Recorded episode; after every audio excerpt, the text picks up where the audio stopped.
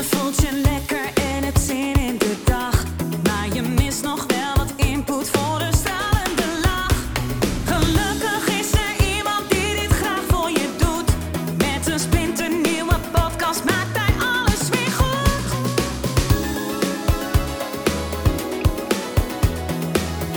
Maak weer eventjes vrij voor Edwin Selij. Is hypnose van de duivel?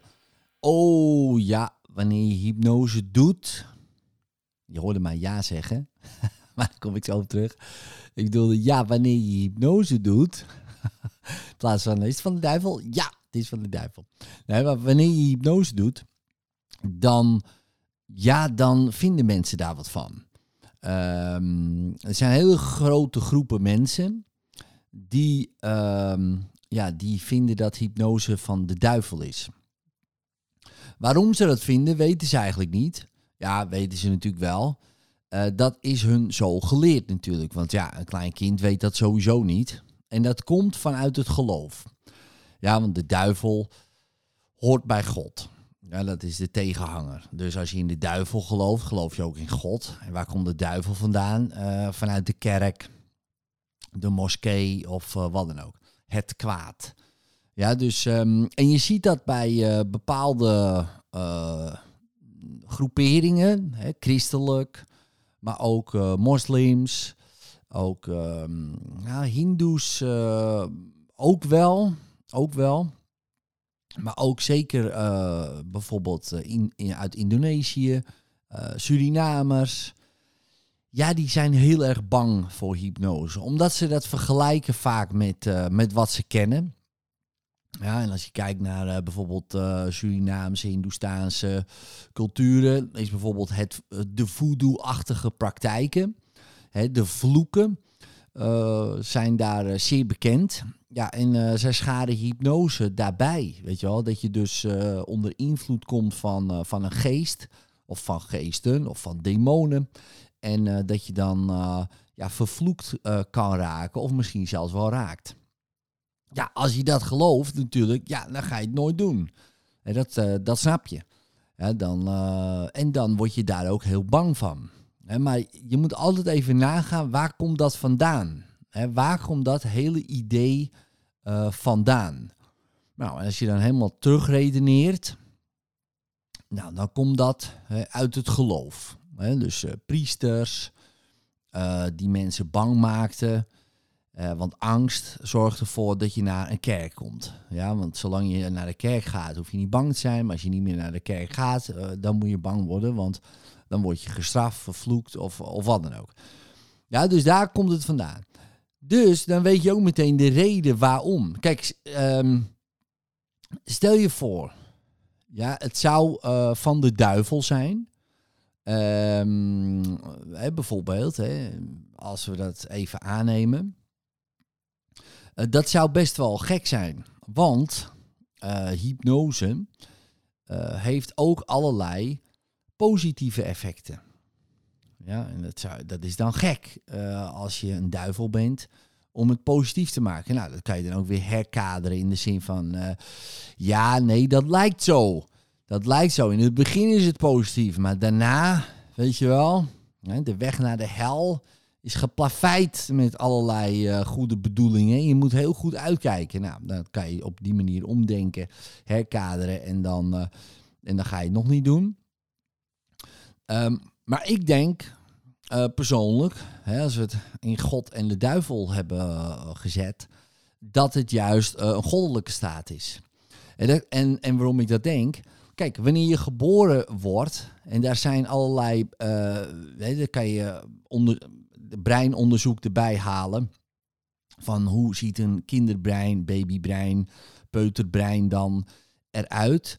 Welke hersengolven zijn het meest actief? Nou, bij een baby is dat delta, hè, tussen de 0 en 4 hertz. Bij een peutertje hè, tussen de 0 en 3 jaar, zeg maar, eh, de theta variant. Dat is tussen de 4 en 7 hertz. Dan komt de alpha 7 tot eh 12 en daarboven is beta. Maar dat komt pas, die hogere hersenactiviteit, pas rond een jaar of 7, 8.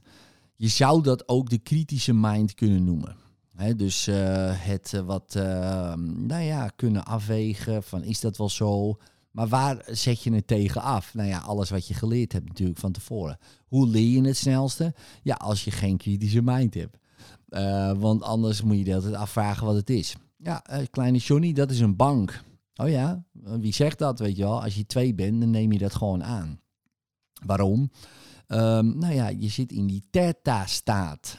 Ja, voornamelijk, hè, of voor het grootste gedeelte. Dus alle informatie komt binnen. Ongefilterd bijna.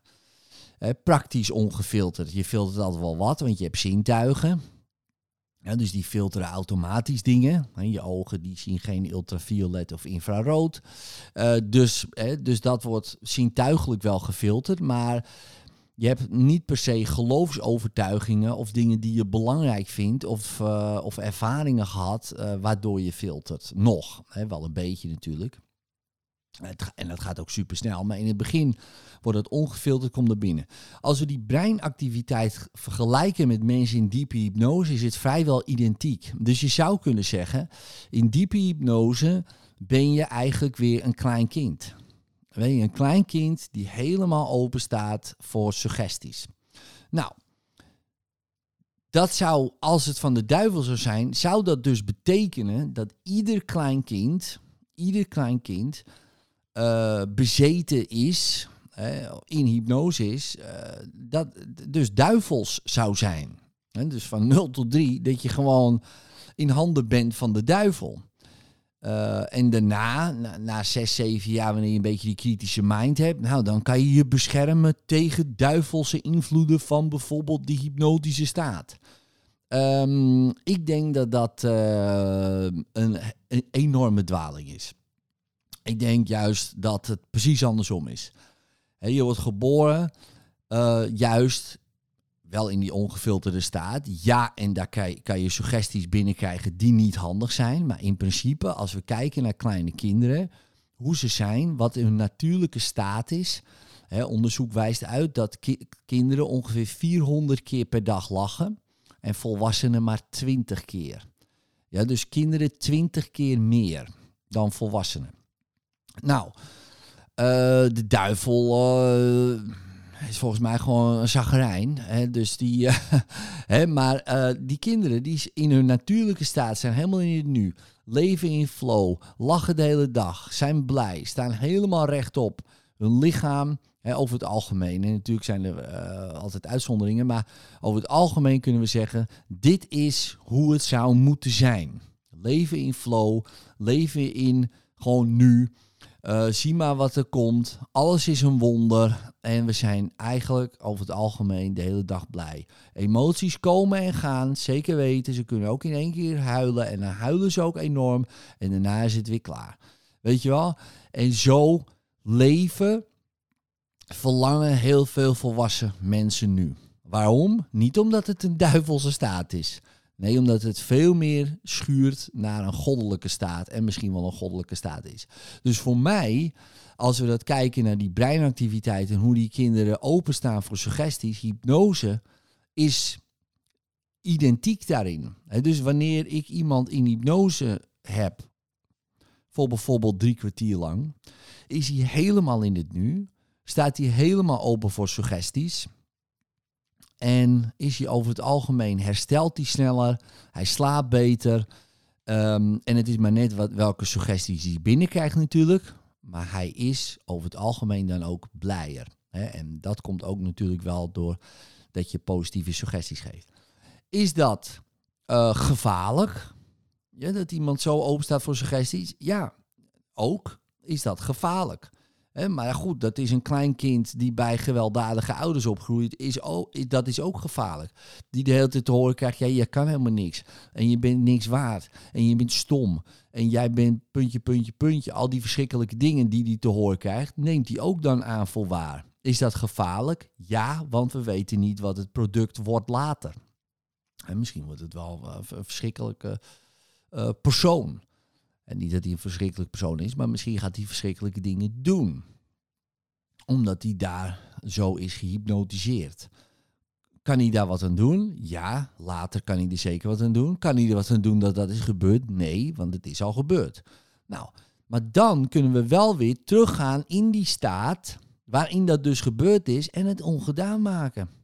Nou, als dat duivels is, nou, dan heeft de duivel ons een enorme dienst bewezen. om, om heel snel dingen uh, om te vormen, om te draaien. Um, weet je wel, uh, weer uh, op een andere manier te bekijken. Dingen te vergeten. Dingen um, in ieder geval los te laten. Kunnen loslaten op een makkelijke en eenvoudige manier. Nou, um, ik ken de duivel niet. Ik geloof daar ook niet in. Maar stel je voor hij zou bestaan.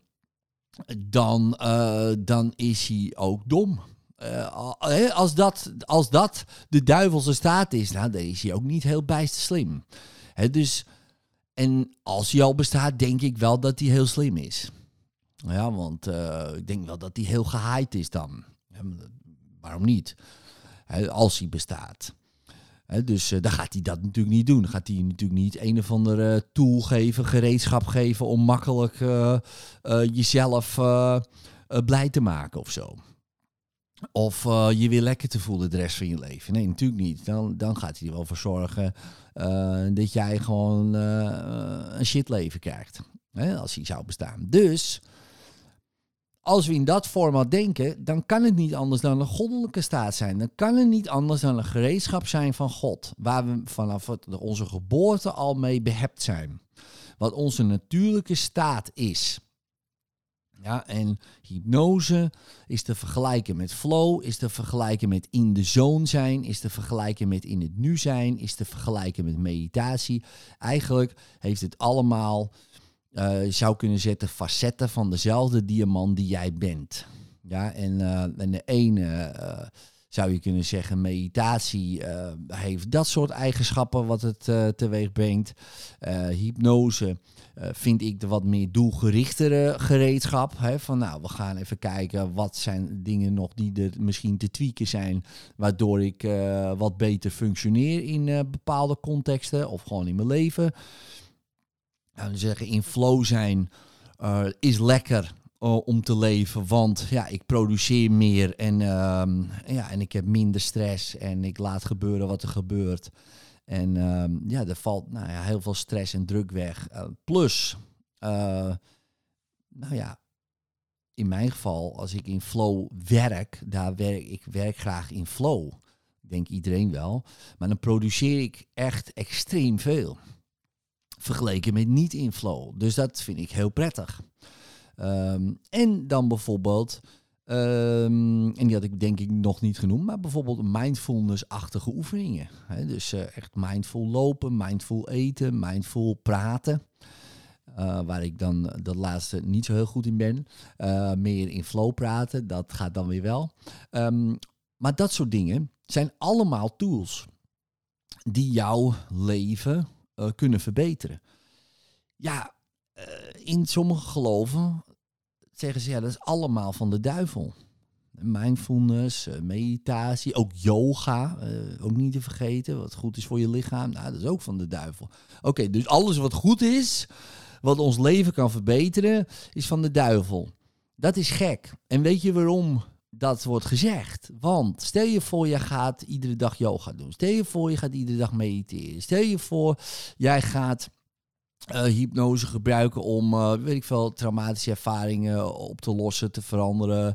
Uh, en, ehm, ja, en jezelf zo te tweaken dat je in iedere context je prettiger en lekkerder voelt. Stel je voor je gaat meer in flow leven, zodat je eigenlijk het leven gaat leiden wat jij hebt te leiden hier. Ja, dan ben je dus eigenlijk niet te vangen meer. Dan ga jij niet per se naar een kerk. Niet per se. Je kan wel naar de kerk gaan, maar omdat je het wil, niet omdat het moet. En dan ben je dus opeens vrij van het systeem, vrij van, uh, nou ja, laten we zeggen, uh, de klauwen van, uh, weet ik veel het leven, nou ja, het leven niet, hè, maar je leeft dan opeens je eigen leven. Je bent een soort van zelfredzaam. Uh, ja, en, je bent vrij. En vrije mensen, ja, dat, uh, voor de duivel is dat niet prettig natuurlijk. Die wil mensen, als die zou bestaan, gevangen hebben, ergens stoppen, kunnen indoctrineren, manipuleren. en niet dat ze maar gewoon hun leven gaan leiden op, op hun manier. Daar hebben ze niks aan. Nou, weet je wel, vrije mensen. Dus dan zeggen ze, ja, al die tools die jou vrijmaken, die zijn van de duivel. Dus dan blijf je daarvan weg, want stel je voor je gaat het wel doen, word je vrij. Maar dat zeggen we er niet bij, want dan ben je uit handen van de duivel. Dus misschien is het precies andersom. Misschien is het wel precies andersom, dat iedereen die dat beweert, dat dat dan de duivel is. Nou goed, denk daar maar eens over na. Dit was mijn rant. Later.